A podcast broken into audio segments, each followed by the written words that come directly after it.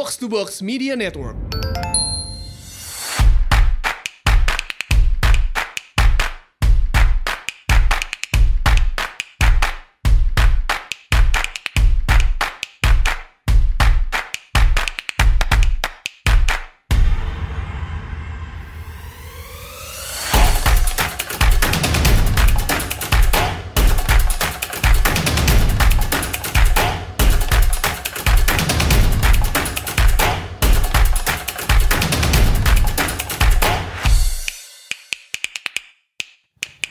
Selamat datang di Asumsi Bersuara dengan gue Rayastu dan kali ini kita kedatangan tamu yang ya yang punya yang punya ini sih yang punya asumsi ini sih.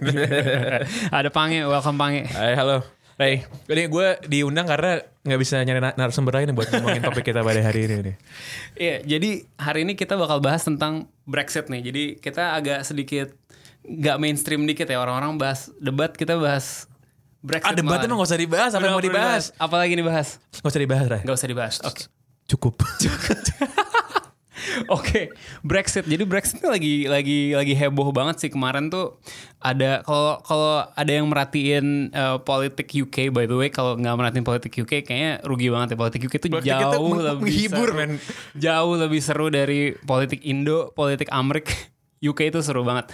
Jadi kemarin tuh baru ada kehebohan luar biasa ya. Jadi ceritanya si eh, Theresa May ini PM-nya PM-nya UK baru aja um, come up dengan sebuah deal yang akhirnya ditolak mentah-mentah nih sama parlemennya UK kan. Hmm, Termasuk sama orang-orang separtainya sendiri. Termasuk sama orang partai sendiri. Dan ini kekalahan terbesar yang pernah di eh, apa ke- kekalahan terbesar di parlemen sejak kapan lah gue nggak tahu. Sejak Jadi- tahun 1920-an lah pokoknya sama-sama, itu. iya, jadi em, si dealnya Theresa May itu kayak kalah 420 lawan 200 gitu ya. Kayak kalah kalah 200 berapa lebih suara gitu. Pokoknya ancur lah ini dealnya nggak diterima banget. Sementara em, ja- apa deadline-nya Brexit itu udah tinggal dua bulan lagi ya. Iya, dua bulan, Tinggal dua bulan, Maret lagi. tuh. Maret. Jadi eh, 29 Maret 2019 kalau nggak ada deal yang disetujui sama parlemennya UK, no deal Brexit, hard Brexit. Gimana? cabut sepenuhnya cabut, belak-belakan cabut gitu. Cabut dan dan itu banyak banget sih eh, efeknya kalau tadinya di, tadinya eh, lu bisa seenaknya keluar masuk EU, lu bisa dagang nggak kena tarif nggak kena Bisa apa-apa. nyari kerjaan kalau Bisa buat warga negaranya ya. bisa nyari kerjaan keluar eh, Inggris ke negara EU yang lain, bisa hire orang dari em, negara-negara EU yang lain. Sekarang tiba-tiba dalam dua bulan nggak nggak terjadi gitu kan? Betul dan dan dan uh, orang-orang yang sudah bekerja di negara EU lain, orang Inggris nih ya, Hmm. orang UK dipertanyakan statusnya gimana gitu kan? Apakah mereka orang asing atau enggak gitu? Bahkan kalau misal dalam konteks bola gitu kemarin rame soalnya kayak ya tuh Gareth Bale di Spanyol gimana statusnya tuh kalau misalnya Brexit. Terus lu jadi eh, tim-tim UK udah nggak boleh dong punya berapa orang pemain eh, EU lagi nggak Iya. ada, nggak ada mereka bukan Ka- EU betul, harus, harus Ka- lokal dong betul. semua Karena itu ntar masuk ke dalam undang-undang tenaga kerjanya mereka itu kan. Apakah mereka tenaga kerja asing apa kagak tuh? Oke oke balik lagi ke asumsi bersuara ya udah nggak eh, box to box lagi kita udah beda beda. Oke nah em, sebenarnya apa sih lu merhatiin nggak apa sih sebenarnya yang lagi di yang kemarin dibawa sama Theresa May itu sampai ditolak mentah-mentah emang sejelek apa sih dealnya dealnya ini menurut lu kayak seburuk itukah? Ya gini, jadi kan ada beberapa poin di Brexit, ada beberapa poin penting dalam keanggotaan yang UK di EU lah. Soal freedom of, freedom of movement, access to single market, sama custom unions. Kalau soal custom tuh bahasan lo kayak gue agak tidak mengerti lah pokoknya. Enggak. Gitu. Cuman secara keseluruhan, eh para MP-nya UK merasa bahwa si May ini sebagai negosiator yang bawa kepentingan UK itu bener-bener tidak ada wibawanya saat dealing dengan EU. Bahkan kalau tahu ya, beberapa bulan yang lalu waktu Theresa May datang ke Brussels, yang nerima dia tuh levelnya tuh di bawah dia. Jadi lu bayangin nih PM-nya Inggris nih, PM-nya Inggris datang ke sana Ketemunya bukan sama PM juga. ketemunya bukan sama bos-bosnya EU bukan lah gitu. Jadi bener-bener kayak bener-bener eh, bener-bener nggak dianggap lah. Kenapa? Karena EU tahu posisinya posisinya UK government tuh sekarang nggak dalam posisi tawar yang kuat. Hmm. Mereka punya mandat dari rakyat dan kalau Harus di keluar. harus keluar dan kalau dalam negara yang demokrasinya beradab ya yang namanya mandat rakyat itu penting banget Iya, gitu kan iya, iya. bukan kayak di negara yang masih bertumbuh demokrasi ya mandat rakyat apa segala macam enggak yang namanya mandat kan harus dilaksanakan dan kepana dan pada eh, pada waktu Brexit itu eh, menang pada waktu re- referendum, mau nggak mau kan harus diimplementasikan. Jadi lo bayangin lo lagi nego sama orang yang orangnya tahu bahwa apa pun yang terjadi tetap harus keluar gitu. Tentu saja dia nggak akan goyas, tidak akan bergeming sedikit pun gitu. Karena kan ketika kita nego sama orang harusnya ada satu titik di mana kayak kalau kita nggak dapet yang kita mau kita bisa keluar kan. Tapi ini. Theresa May nggak punya opsi itu karena kayak kalau dia nggak nego ya nggak bisa juga gitu udah di udah di udah di udah di uh, mandatkan oleh rakyatnya demikian dan orangnya tahu bahwa dia harus melakukan itu jadi Bener. Karena kalau sampai ini misalnya, kalau gini, kan sebenarnya kebutuhan dan urgency untuk Brexit itu kan bukan sesuatu apa ya? Awalnya tuh bukan sesuatu yang binding gitu. Jadi kemarin tuh pada waktu pertama kali ada referendum, itu perdebatan adalah apakah referendum tersebut legally binding apa enggak gitu. Dan sebenarnya kan enggak. Iya. Sebenarnya kan enggak. Jadi seandainya seandainya referendumnya pun mau dianggap, ya mau nggak dianggap pun juga bisa gitu sebenarnya. Cuma kan mereka nggak mungkin kayak gitu. Iya. Nah, tapi sekarang udah telat. Kenapa? Karena si Artikel 50 itu yang ada di, di dalam konstitusinya EU, jadi anggota itu bisa triggering Artikel 50 untuk, untuk, keluar memulai proses keluar dalam 2 tahun. D- dalam dua tahun. Nah itu udah trigger. Di, di trigger 29 Maret 2017 kan. Iya, Makanya iya. bentar lagi Betul. 22 tahun nih Betul. udah habis nih. Betul. Jadi udah nggak bisa kabur sekarang bisa sebenarnya. Nggak bisa kabur. Udah nggak bisa kabur. Dan gini, dan kalau lo lihat dari sudut pandangnya EU, ya, ini purely dari observasi gue. Inggris itu kan sebuah negara yang merasa dirinya pernah menguasai dunia, ya. Jadi pongah lah gitu Pongah. kan, pongah. Dan congkak. dan congkak banget gitu. Bahkan selama ini pun mereka menganggap ya kayak ini kita sebenarnya bukan ya kita part of EU tapi juga enggak juga. Hmm. Kita secara geografis kita terpisah sama lo kok kita di Iya. pulau sendiri gitu kan. Dia masih pakai pound Iya. sterling juga. Iya, dia masih pakai ikut. pound sterling juga gitu. Jadi lo bayangin nih gimana orang yang selama ini congkak gitu arogan sekarang dalam posisi yang sebenarnya ngemis ini posisi sekarang gitu kan.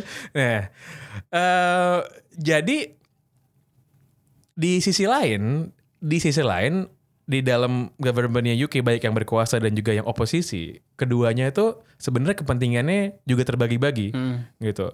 Jadi yang berkuasa partai konservatif juga setengahnya eh, dukung Brexit, setengahnya pengen remain. Oposisinya Juga yang gitu. Labour juga sama, setengah Walaupun mungkin alasannya rada berbeda gitu ya. alasan berbeda. Alasan berbeda. Yang menarik adalah Labour secara keseluruhan kan gini kan sebagai partai oposisi mereka harus beda dong Ya, dengan yang berkuasa gitu. apa pun lokasi gue tolak. Yes, yes gitu. Tapi Jeremy Corbyn, pemimpinan Labour, itu dari dulu bahkan bukan cuman setelah dia berkuasa dari dulu masih zaman jadi MP yang nggak terkenal nggak ada yang ngedengerin dia gitu. Itu udah Euroskeptic. udah skeptis terhadap Euro apa terhadap EU gitu. Nah, jadi pada waktu Jeremy Corbyn campaigning untuk Brexit referendum, itu semua orang lihat, ini orang setengah hati sebenarnya campaigningnya setengah hati gitu. Dia harus terlihat bahwa dia juga bahwa Labour itu pro remain, Ya, tapi dia sendiri dari dalam hatinya dari dalam paling hati dalam. itu iya kagak. Jadi terakhir tuh eh, sempat ada beberapa momen di mana pada waktu Labour pengen bikin voting itu dia ngasihnya itu free vote lo terserah lo deh. Free vote tuh maksudnya gimana tuh? Gue agak kurang paham. Kan kalau misalnya kalau misalnya kalau misalnya politik yang parlemen gitu bukan kayak di Indonesia ya, bukan DPR yang Hmm. bentuknya dalam fraksi ini bener-bener yang bener-bener UK parlemen gitu adalah eh bisa kan ada whipnya. Kayak si Frank Underwood lah Hmm. Frank kalau kalau. House of Cards itu Iya, kan iya. yang kerjanya memastikan bahwa semua, Semua anggota partainya partainya inline, gitu. Nah kalau free vote maksudnya kayak terserah, Terserah kata hati lo aja apa gitu. Oh. Terserah kata hati lo apa aja. Kenapa? Karena itu tadi. Karena dia dia sendiri tahu gini kalau misalnya gue imposing gue bilang semua orang milih buat remain, gue sendiri nggak setuju sama itu gitu kan. Hmm. Tapi kalau gue nyuruh mereka leave, ntar pemilih gue yang setengah juga bakal kabur. Jadi iya, terserah iya. kata hati lo aja deh. Kayak gimana Main cantik. gitu. Jadi eh, jadi pelik banget sih keadaannya baik yang baik yang berkuasa maupun yang tidak dua-duanya punya kepentingan yang sama dan dua-duanya punya pergolakan internal sendiri. Hmm. Tapi secara keseluruhan kalau front bench jadi istilahnya kalau di parlemen gitu kan front bench itu eh, MP-MP-nya Yang duduk di depan. yang duduk di kan? depan dan itu yang megang jabatan shadow lah. Jadi bener-bener shadowing pejabatnya, menteri-menterinya pas gua stop yang berkuasa. Jadi jadi kalau di Inggris itu em, karena dia parlementer, jadi menteri-menteri itu selalu adalah anggota parlemen, Harus anggota harus parlemen. anggota parlemen dan ada shadow minister Ada. yang adalah Dari dari, oposisi. partai oposisi yang duduknya di depan juga dan mereka tuh tiap hari debat lah ya intinya kayak Iya. si menteri keuangan ada Iya. shadow menteri keuangan dia berantem Dan- gitu. Betul. Dan kalau misalnya ada pos menteri baru yang dibikin uh, pa- oleh pemerintahan siapa pun pasti ada shadow-nya. Kayak kemarin Brexit minister. Ada Brexit minister. Iya. Ada Brexit minister langsung ada shadow Brexit minister. Iya, iya, iya, iya. Pasti gitu. Oke oke lanjut lanjut. Jadi gua sampai mana? Sampai ya? mana tadi? mana tadi? Um, iya, jadi um, eh oke gini. Tadi gue bilang bahwa semua frontbenchersnya si Corbyn itu sebenarnya kan secara politik sama kayak dia. Iya. Dan Corbyn ini kan sebenarnya hard left lah. Ya. Sebuah sebuah spektrum politik yang bertahun-tahun di Labour itu nggak pernah menang sebenarnya. Jadi tiap kali ini kalau gue mau throwback dulu ke belakang ya pada waktu Corbyn terpilih ini. Jadi selama bertahun-tahun, apalagi setelah Tony Blair berkuasa gitu dan menang jadi PM, dan itu sebenarnya adalah sebuah sebuah sebuah jawaban. Jadi selama berpuluh-puluh tahun terakhir kali kalau nggak salah tuh Labour menang pemilu tahun 75 kalau nggak salah Harold Wilson kalau nggak salah ya. Itu yang sebelum Thatcher ya? Sebelum Thatcher, sebelum Thatcher. Udah gitu berpuluh-puluh tahun tiap kali mau election pemimpinan Labour tuh selalu yang hard left gitu. Heeh. Entah itu food, entah kinak tuh semua selalu hard left lah. Bener, ya ini kita Labour banget, kita kiri banget gitu Dan kan. kalah terus. Dan kalah telak mulu mulu gitu. Dan kalah mulu. Sampai si Tory-nya sendiri itu eh, punya krisis waktu si Thatcher turun yang gantinya John, John Major. Major. John Major bikin election yang maju si Tony Blair. Lu kalau pernah lihat muka John Major gitu, lu bandingin sama muka Tony Blair jauh lah sebenarnya kan cara appeal gitu, cara appeal. Iya, iya, iya. Apalagi ada semacam fatik terhadap pemerintahan Tory yang udah berpuluh-puluh tahun gitu berkuasa. Nah, si Tony Blair campaigning dirinya dia itu berbeda dengan labor-labor sebelumnya dia. Dia nggak hard, dia nggak yang pokoknya kiri banget, pokoknya labor banget enggak. Dia bahkan bilang uh, this is the new labor dia bilang. Third way gitu kan. Third ada way. ada jalan lain. Nah, si New Labor ini meng- mengajukan wajah partai buruh yang bersahabat lah Iya, iya. yang bersahabat gitu. Dan menang, menang telak, menangnya telak banget pada waktu itu. Dan dia kan berkuasa tiga kali itu, tiga term dan menang mulu sebelum akhirnya Tony Blair mengundurkan diri eh, dan digantikan oleh Gordon Brown. oleh Gordon Brown. Nah, Nah, Brown nggak ada karismanya tuh. Gordon Brown itu ya kayak kayak Droopy tau gak kalau kalau lo tahu tuh. nah, eh, cuman selama selama si partai buruhnya Tony Blair berkuasa, dia nama juga kiri tengah makin lama makin ke tengah, bahkan secara politik malah malah ke kanan-kananan Iya, gitu iya, kan. Iya, iya. Dia dia hopeng banget sama George Bush. Nah itu dia, lu bayangin aja pimpinan partai buruh CS-annya sama George Bush gitu. George W. Bush kan. Dan itu paling puncaknya pada waktu perang Irak sih. Iya. Pada waktu perang Irak, pada waktu Tony Blair eh, mengendorse perang Irak, bahkan MP-MP itu setuju Iya, iya, gitu. iya. Nah salah satu MP yang gak setuju sama itu adalah Jeremy Corbyn. Corbyn. Waktu itu dia punya faksi sendiri lah, minoritas lah dia. Jeremy Corbyn nih equivalentnya Bernie Sanders lah ya. Bernie Sanders bener ya, Iya, iya, iya. Sanders. Betul, betul, betul. Nah cuman jadi tiap kali partai buruh itu mau bikin pemilihan pemimpin, jadi setiap spektrum itu kan harus ngirim perwakilan, Iya, iya. gitu. Just for the sake of democracy aja Ya, gitu kan. kelihatannya nggak cuma satu. Dan ada pilihan gitu. Iya. Terserah lu pengen milih siapa. Nah, Ini yang milih within MP-MP aja atau atau enggak, semua orang nah, yang punya enggak. Semua orang yang punya kartu anggota partai buruh. punya kartu anggota? Punya, punya. Ya semua orang yang punya kartu anggotanya labor gitu, Oke. yang yang terdaftar sebagai labor member. registered voters, registered member lah ya. registered members gitu. Hmm. Nah, eh selama ber- selama bertahun-tahun selalu yang dikirim sama si hard left ini tuh yang sekarang jadi chancellornya dia. Jadi jadi shadow chancellor si John McDonnell gitu. Hmm. Iya, ini iya. yang kiri banget lah. Iya. Dan nggak pernah menang, nggak pernah menang. Pada waktu si Ed Miliband, Ed- mm. si Ed Miliband itu eh, yang kemarin ikutan Leader, election, iya. nantangin David Cameron dan kalah Kalah. pada waktu mau bikin ini lagi, pada waktu pengen bikin election, si John McDonnell bilang, kayaknya sekarang mendingan lo aja yang maju deh. Oke. Mungkin mereka mikir, toh yang maju siapa juga kita nggak bakal Kalah menang juga, gitu kan. nih. Ya gantian lah gitu. Waktu itu yang yang di yang dari sisi sentrisnya siapa? Kan Ed Miliband udah keluar. Ed Miliband terus yang sekarang jadi wali kota Manchester tuh siapa lupa gue namanya. Ada yang Ya, ada yang lah ah, pokoknya lah, ada. ada eh, Andy Barham namanya. Andy Barham. Dia sebenarnya kandidat kota dia. Kandidat kota tadi dia kan? Dia. Ternyata tiba-tiba Karena karena si Andy Burnham ini dianggap sebagai kiri tengah lah gitu lah. Yang kiri tengah. Nah, em, waktu Ed Miliband kalah itu ada ada dasar argumen yang mengatakan bahwa oh ini kalah karena partai buruh ini terlalu kiri nih di, di bawah si- dari si Ed Miliband. Si Ed ini di portray Karena lo kalau lo boleh Google nama bapaknya Ralph Miliband gitu, itu Marxist thinker banget lah pokoknya lah. Oke. Di portray, wah ini jelas aja kalah karena nggak appealing buat the majority of the voters gitu kan lo harus ada di tengah gitu kan. Iya, iya, nah, iya. Ternyata suara-suara dari grassroots buruh bilang bahwa enggak, ini kita kalah kemarin gara-gara kita tuh kurang kiri karena kita nggak ada bedanya sama Tory gitu kemarin gitu. Akhirnya menanglah si Jeremy Corbyn. Akhirnya menanglah si Corbyn. Nah, Iya. men- Nah. menangnya kan. Nah, pada waktu Corbyn mau pemilihan dan dia ikutan, itu banyak banget partai Tory yang berharap dia yang menang. Mhm. Kenapa? Karena they thought that Jeremy Corbyn would send uh, the Labour Party to oblivion gitu tuh gitu kan. Jadi kalau dia Jadi menang nggak udah relevan lagi. Partai buruh bubar udah udah, udah kan. Oh, iya, terlalu bubar. kiri banget. Nah, bahkan waktu itu skema pemilihan ketuanya adalah pemilihan pemimpinnya adalah lo tuh bisa baru daftar, lo cuma bayar 2 pounds sampai berapa pounds lah. Langsung jadi member. Langsung bisa lanjut members dan bisa voting. Oke. Banyak konon kabarnya banyak pemilihnya Tory itu yang ngedaftar supaya supaya milih Jeremy Corbyn menang dan dia menang telak dan dia menang telak kan dan dia menang telak gitu nah eh, pada waktu si Corbyn terpilih dan gini loh lo kalau lihat Jeremy Corbyn awal-awal awal-awal nih sama Sanders tuh beda banget. Mereka sama-sama kakek-kakek sama-sama ma- tua ubanan tapi Corbyn tuh nggak appealing banget.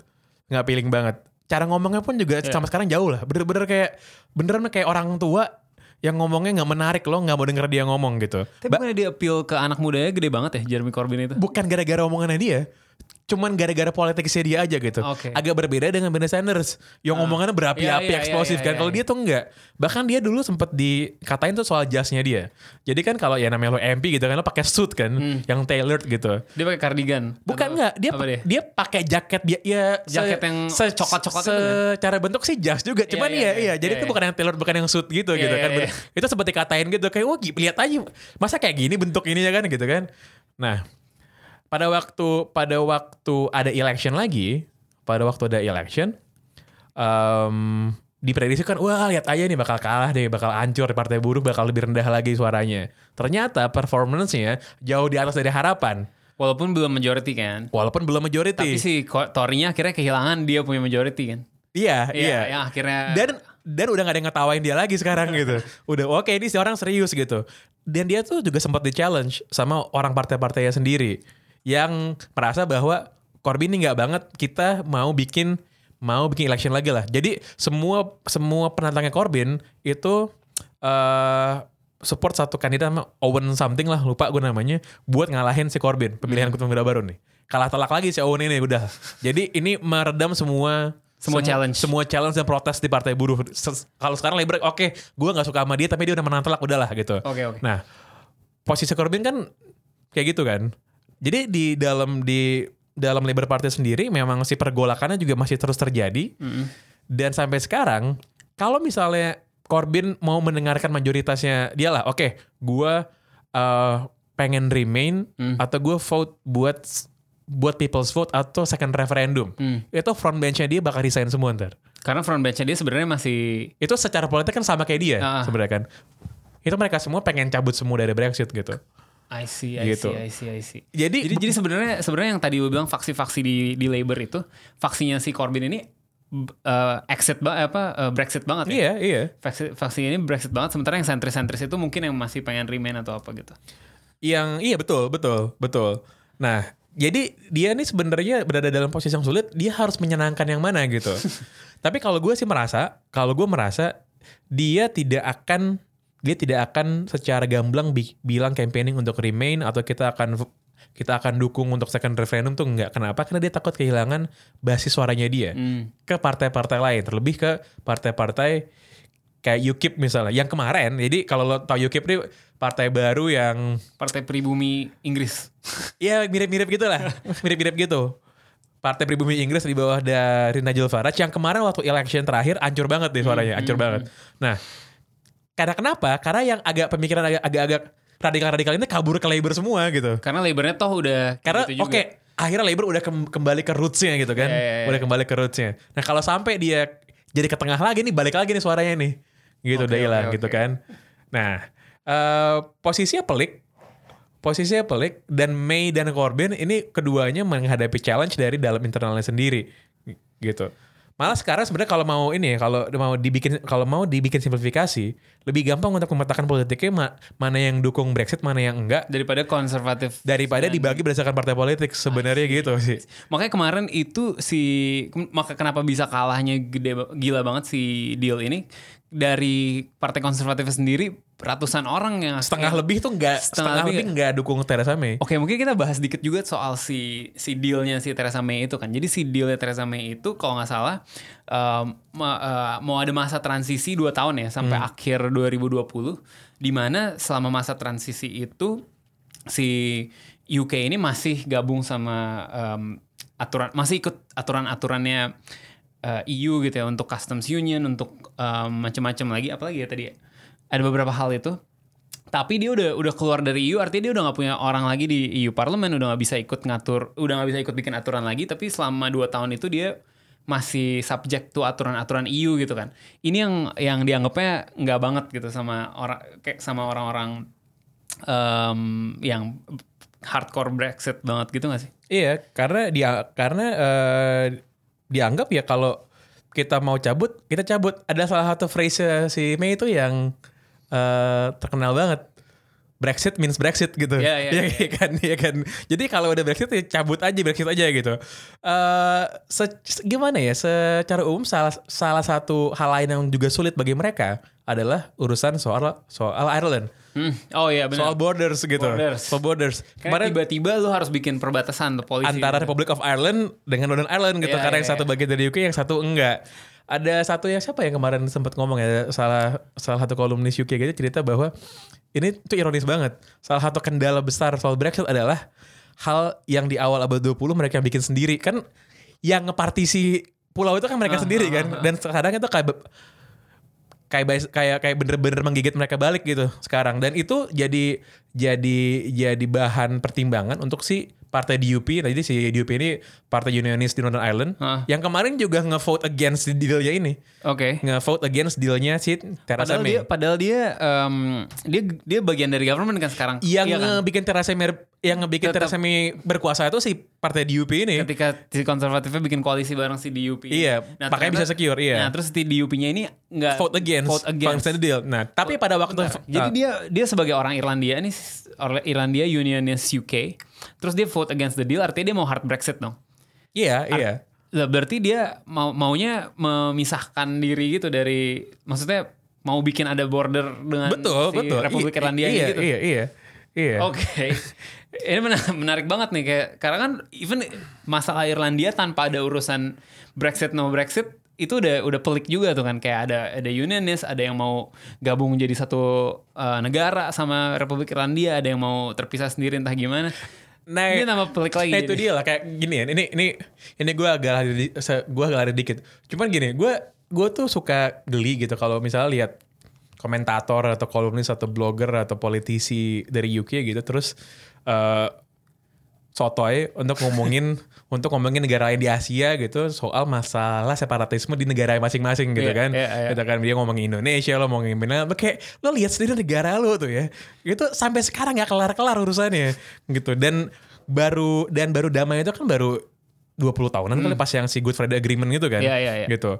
Nah, balik lagi soal itu eh jadi si Theresa May ini emang punya apa ya kalau phrase Inggris bilang dia punya strange bedfellows gitu dalam Hmm. diri si DUP DUP ini gitu. Eh dan dia dan DUP nggak setuju sama dealnya May. Tapi pada waktu vote of no confidence, pada waktu mosi tidak percaya, DUP itu tetap tetap dukung. tetap tetap milih May, tetap Oh iya, milih jadi May. kemarin itu gara persis setelah um, votingnya di announce gitu kan, votingnya di announce bahwa kayak kalah banget si si Theresa May di di dealnya ini, langsung si Theresa May bilang oke, uh, gue ready kalau mau mau mau lu challenge uh, vote of no confidence gitu kan, I- dan eh, langsung dia nggak di, dia, ngomong gitu, dia ngomong gitu, dia ngomong gitu, langsung abis itu uh, gantian uh, si ngomong. ya, ya, ya. Nah baru yang tabling ya, benar-benar ya. ya, baru ya. Corbynnya iya oke gue table sekarang Iya. mau ada vote of no confidence. Tapi akhir- Walaupun walaupun pas dia bilang vote of, eh, pas si Corbyn bikin vote of no confidence itu sebenarnya sudah diprediksi bahwa May akan menang. Oke. Bahwa May akan menang. Nggak ada yang nggak ada yang ngira bahwa May akan kalah di situ. Ah, I see, I see, I see. Jadi bener-bener itu cuman kayak oke lo kayak gitu gue mau challenge lo sekarang. Cuman secara suara Tory itu nggak bakal ngedukung nggak bakal nggak ngedukung. bakal ngedukung vote of no confidence. Kenapa? Kalau dia du- dukung terus gini kalau sampai ada mosi tidak percaya, berarti PM-nya kan sudah tidak dipercaya oleh anggota parlemen. Betul. Berarti harus ngundurin diri. Iya. Secara default akan ada Pemilu pemilu. lagi. Pemilu Labor akan menang pasti. Dan buat Tory, mereka mungkin lebih milih kiamat dibanding lihat Jeremy Corbyn jadi PM gitu. Iya. Iya kan? Karena sekarang sekarang Jeremy eh, Labour ini lagi populer banget ya. Kalau Sebenarnya nggak juga. Juga. Sebenarnya nggak juga. Eh, beberapa thinkers dari research-nya UK bilang bahwa Corbyn ini bahkan gagal. Jadi May ini posisinya udah katro nih kan. Hmm. Yang sebenarnya kalau gini deh, kalau May lawannya sama Tony Blair gitu misalnya, itu pasti Hmm. Abis. abis, abis. Tapi si Corbyn juga bukan tipe yang bisa mengekspektasi hal seperti ini gitu I see, I see. gitu.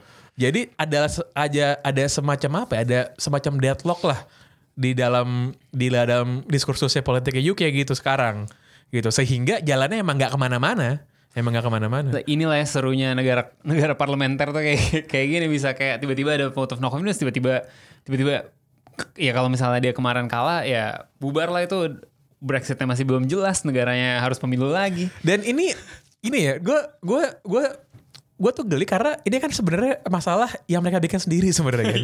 ini masalah bikin bikin sendiri gitu. Bahwa salah satu platform kampanyenya partai Tory pada waktu 2015 election adalah David Cameron bilang kita akan memikirkan ulang soal EU dan kita akan bikin referendum. Dia berani ngomong kayak gitu kenapa? Karena dia pede akan menang. Iya. Karena dia pede akan menang gitu. Dan dan emang sampai hari H Brexit itu juga semua polling bilang Remain yang akan menang kan? Betul, Semua betul, polling bilang betul, Remain yang akan betul. menang. Gue gue inget banget waktu itu waktu waktu itu waktu itu eh, heboh lah kayak semua orang gimana nih kalau Brexit nggak nggak bakal Brexit orang semua semua polling bilang mereka bakal menang tapi nggak tahu ya 2016 tuh ada something yang aneh dengan polling-polling di seluruh dunia, ya, di seluruh dunia ya. Iya, eh, orang lebih ketar-ketir referendum Scotland sebenarnya dibanding Nah, iya. sama EU. Soalnya kalau ja- kalau misalnya mereka merdeka gimana gitu. Kalau Iya. EU ah nggak mungkin lah cabut dari EU gitu kan. Iya, iya, iya. Dan ternyata kan akhirnya begitu begitu Brexit menang, David Cameron ngundurin diri kan. Iya, lepas tangan, dicuci tangan. Le- lepas tangan eh, dan ya sekarang ya ini dan dan si May ini May ini kan dia tuh tadi menteri dalam negerinya Mm-mm. si David Cameron.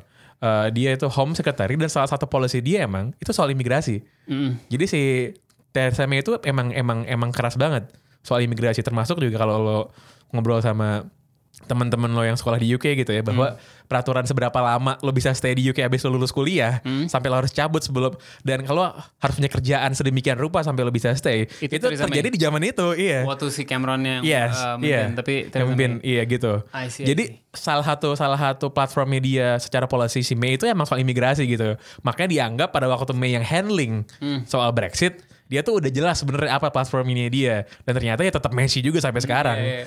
Dan sebenarnya soal si Scotland ini sebenarnya menarik banget ya karena wa- karena walaupun waktu dia referendum kemerdekaan Scotland itu lumayan lumayan telling kalau mereka tetap mau stay sama UK, tapi itu kan terjadi sebelum Brexit kan.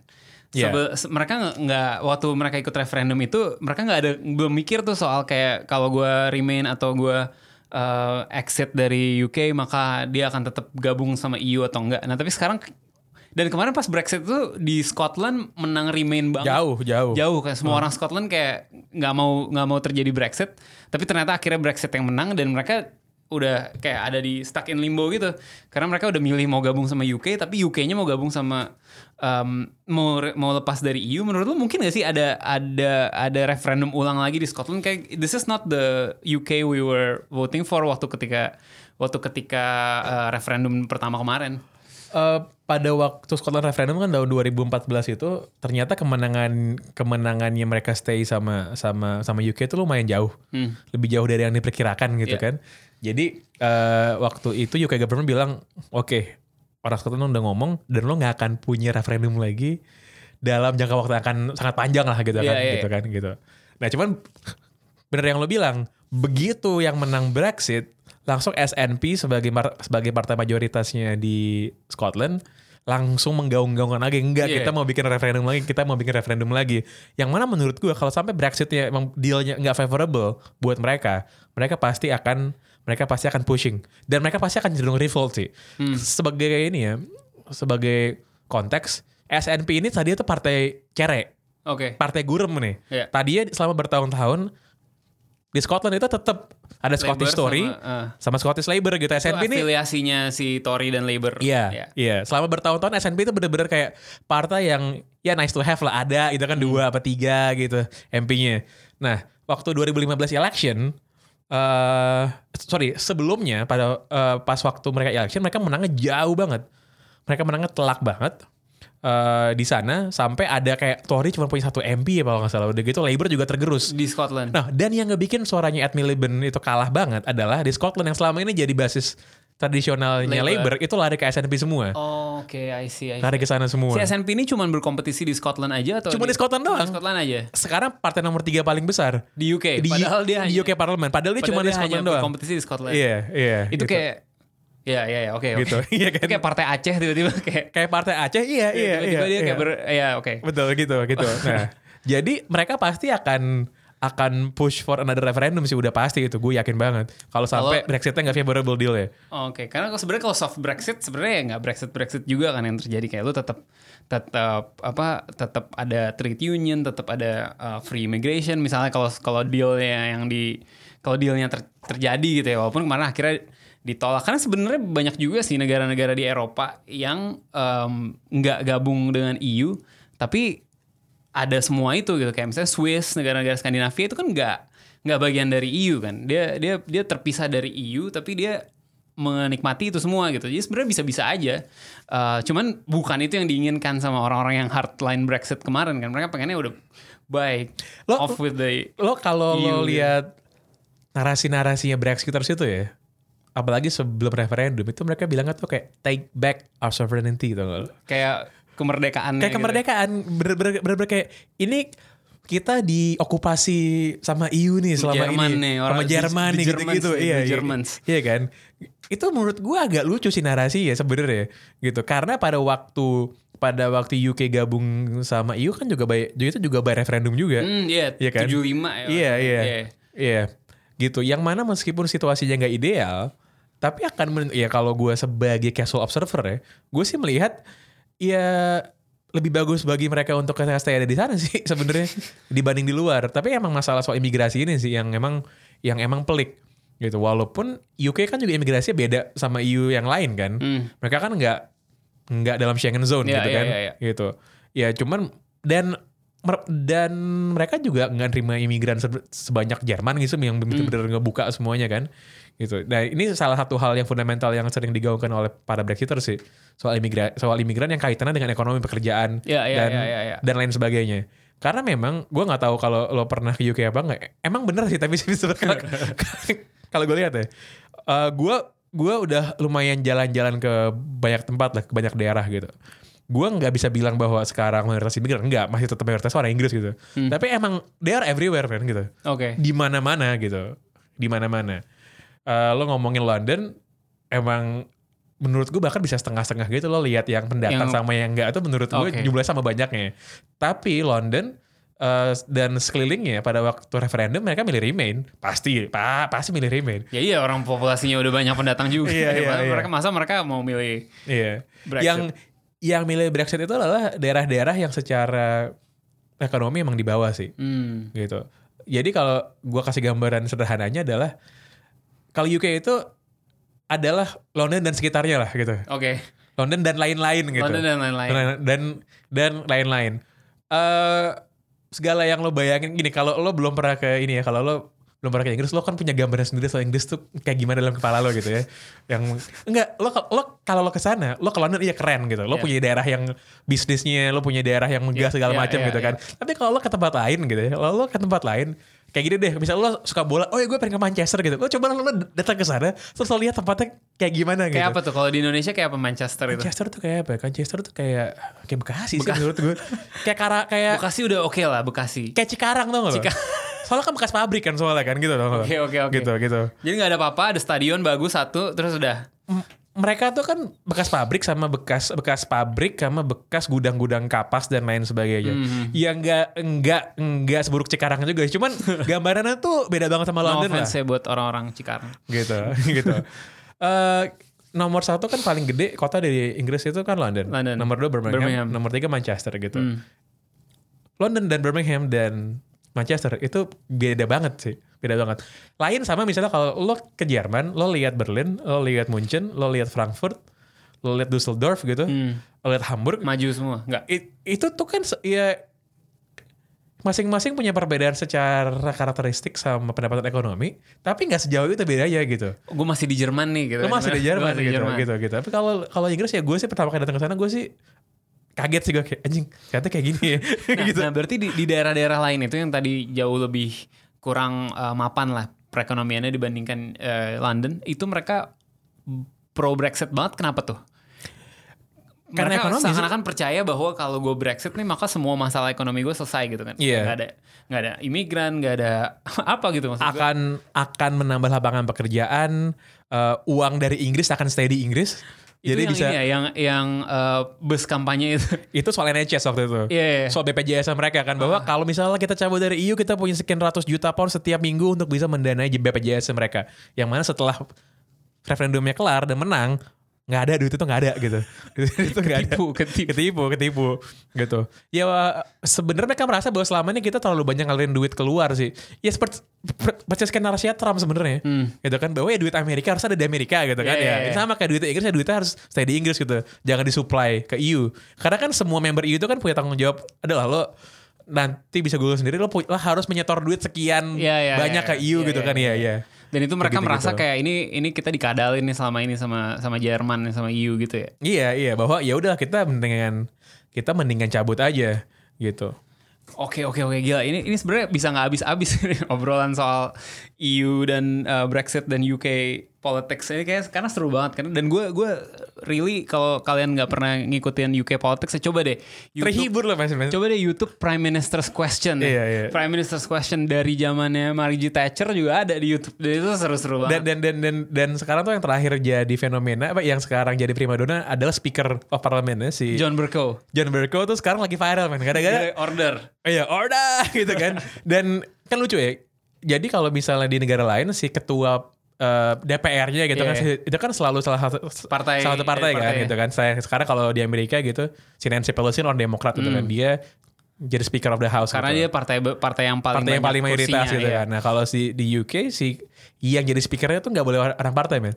Justru non justru kalau Dia kalau- harus turun. harus turun harus dari turun, harus turun dari partainya. tapi dia tetap ikut pemilu tapi biasanya pemilu, nggak iya. ada lawannya kan. Iya. Jadi biasanya kayak Dia Tory dia. Dia to, dia Tory tadinya. Dia Tory dia, Tapi jadi daerahnya dia itu setiap tahun eh, setiap setiap pemilu dia masih ikutan pemilu. Nah. Tapi si Labour itu kayak tahu diri untuk nggak nggak majuin siapa-siapa Iya, gitu. iya. Nah, biar dia tetap maju. Dan si John Bercow itu sebagai bekas Tory Iya. itu dibetain sama orang-orang Tory karena dianggap terlalu dekat sama Labour. Oh. Dan biasanya kalau lo udah lo udah jadi speaker of the parliament gitu ya, of the house, lo tuh pas udah turun, lo akan dikasih life period, lo akan dikasih gelar bangsawan. Oh, gitu. gitu. Nah, ini lagi mau diveto sama Tory supaya enggak. supaya enggak karena bete. tapi tapi emang seru sih lu lu eh, cari aja highlights John Bercow itu banyak sih. kayak yang kayak dia dia padahal kerjaannya dia cuman order order aja kan cuman kayak ya sekarang siapa lu yang boleh ngomong lu boleh ngomong Nah, nah itu dia sebenarnya yang paling penting karena yang milih ngomong siapa tuh dia doang. iya iya iya Di- di- cu- cuman dia yang punya kuasa. Kalau lihat kan gini, sebenarnya kalau orang yang merasa bahwa ya di Indonesia politiknya barbar pada- pada waktu sidang DPR, cobalah nonton parlemennya Inggris. Man. Itu Ya, satu orang ngomong le- le- semua itu bisa. lebih primitif lagi sebenarnya. Karena mereka nggak pakai ini kan. Kalau kalau kalau di sini kan kalau di Indonesia DPR di Senayan lo tinggal mencet mic ngomong ngomong. Di sana tuh berdiri, tunjuk tangan dan mic-nya mic yang digantung di atas gitu loh. Gitu. jadi kayak dari tahun 600 1600 Itu berapa nggak ganti. berubah, nggak berubah tidak berubah dan nggak semuanya punya kecepatan ngomong. Tergantung si John Bercow sebagai speaker mau nunjuk siapa. Makanya posisi dia penting banget. Iya, iya, cuman dia yang ngizinin orang buat ngomong gitu. Dan dia ini terlalu terlalu baik sama orang eh, dia dianggap terlalu Labour. baik sama Labor makanya dibetain banget gitu. Oke oke oke oke. Oke kalau gitu uh, kita udah kelamaan sih udah udah berapa 40 menit kali ya. Jadi udah kelamaan kita uh, sampai di sini aja. Moga-moga uh, memberi memberi apa ya memberi informasi lah tentang tentang apa yang sedang terjadi gitu. Dunia nggak cuman pilpres 2019 aja tapi ada hal-hal yang jauh lebih nggak jauh lebih men- uh, penting juga sih dia. Hal-hal yang menarik juga lah di luar sana. Oh ya by the way jangan lupa juga uh, follow uh, asumsiko. Buka juga websitenya www.asumsi.co banyak banget uh, konten-konten politik dan uh, lain-lain yang menarik uh, di sana. Sampai jumpa lagi ya